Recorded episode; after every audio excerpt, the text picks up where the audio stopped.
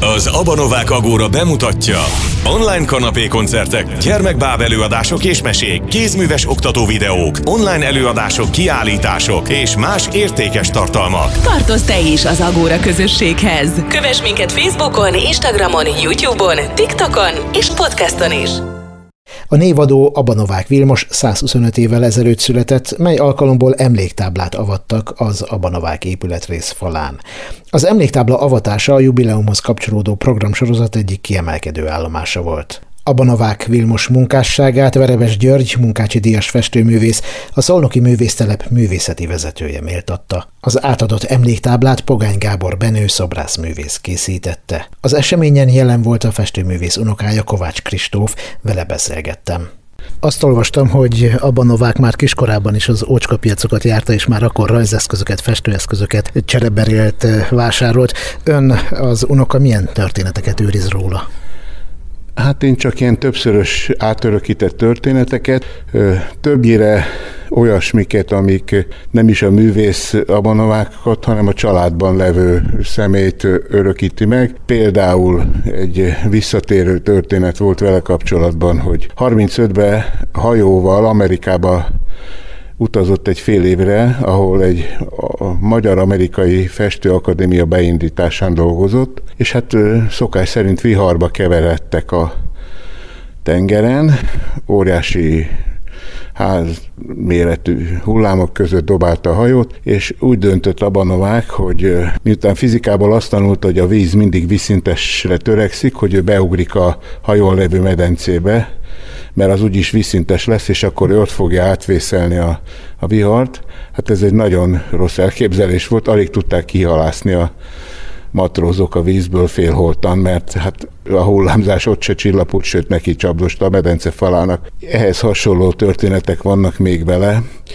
Hát művészként pedig inkább az, hogy mindig gondot fordított arra, hogy legyenek művészbarátai, voltak is, és tanítványai is mindig voltak, mert magániskolai tanár volt, majd később a képzőművészeti főiskolán, és ott a, a növendékeit mindig a legnagyobb szeretettel, szakmai szeretettel, emberi szeretettel nevelte, és nagyon vigyázott arra, hogy ne kisabanovákokat neveljen, erre mindig felhívta a figyelmüket, és ez így is lett, semmelyik növendékét nem lehetett abanovákként azonosítani később a saját pályájukon mint ahogy a nő is nagy egyéniség, nagy festő egyéniség, két alkalommal, két időszakban is dolgozott, alkotott Szolnokon. Igen, egyszer főiskolás korába járt itt, akkor még mint tövendék, akkor inkább még csak nézelődött, nem tett még rá mély benyomást, és később aztán a 30-as években több nyáron át is családostul egész nyarát itt töltve vett részt a művésztelep munkájába, ahol rögtön egy ilyen központi figura lett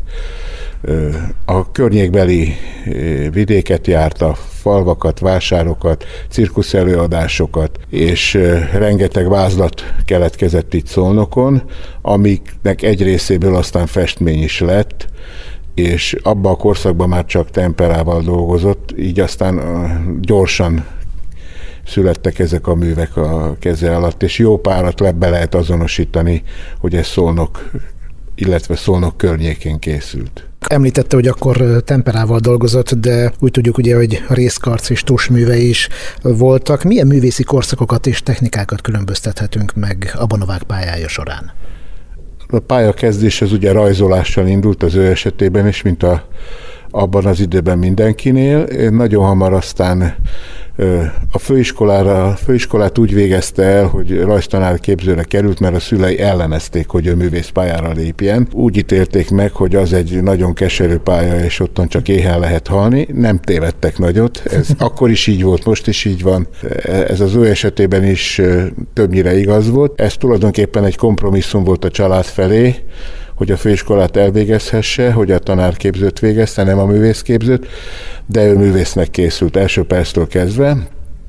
Közbeszólt a háború, háborúról visszajöve egyrészt egy nagyon szigorú önképzésbe fogott, másrészt visszament a főiskolára, most már direkt grafikára Oldjai Mesterhez, és egy rendkívül jó csapatba került. Szőnyi Istvánnal tanult újra, Patkó Károlyjal, Tarjányi Simkovics Jenővel, az akkori magyar fiatal grafikai nemzedék minden almási elemére ültek egy iskolapadba, és Ógyai Mester elképesztő, főleg a hagyományos részkarc világába európai színvonalú tudást csöpögtetett beléjük, és ezt úgy tartja ma nyilván a, a, a művészettörténet, a részkarcoló nemzedék, ezt a, ezt a kifejezést használja.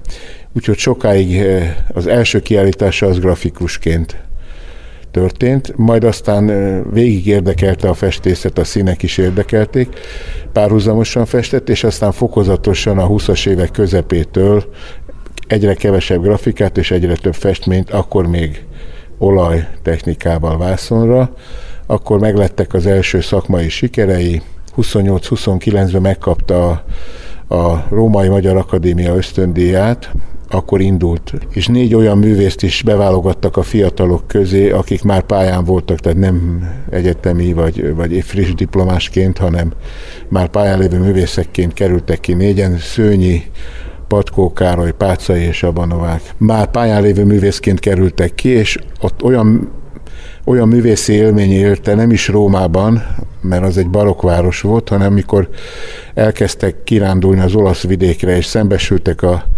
az olasz vidék hihetet, műkincsekben hihetetlen gazdag mindennapjaiban. A legeldugottabb kis településen Giotto festmény, Fra Angelicot találtak a templomokban, mozaik padlók, és ezek mind nem fényes festékekkel születtek, és ez Abanovákot megbabonázta, hogy ő ezt kereste már a olajfesté periódusának a végén már szinte szenvedett attól, hogy túl fényes a kép, miközben mondani valója nem tükrözte ezt.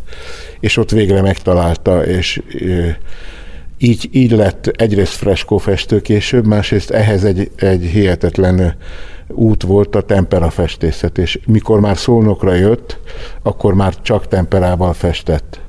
Ugyanis a freskófestés szakmai követelményei hihetetlen gyors és kvázi hibátlan munkát követeltek meg, mert javíthatatlan volt, amit csinált. Ugyanez igaz a temperára, és hogy gyorsan kellett dolgozni, mert szárad, és rögtön kész művet kellett föltenni a lemezre, mert az is gyorsan száradt, és ez neki nagyon jó előiskola volt a freskó meg a szekkófestéshez. Így, így benne ez egy újabb korszakot nyitott, és hát megnyitotta a, a, a nagyméretű falak festését, amit szintén Olaszországba érte őt, mint hatást. És ezzel szemben még volt egy, nem lehet külön korszaknak nevezni, de mint, mint alkotó ember külön lehet őt tartani, számon tartani, mint tanárt, művésztanárt. Párhuzamosan a művész pályája mellett a, a, az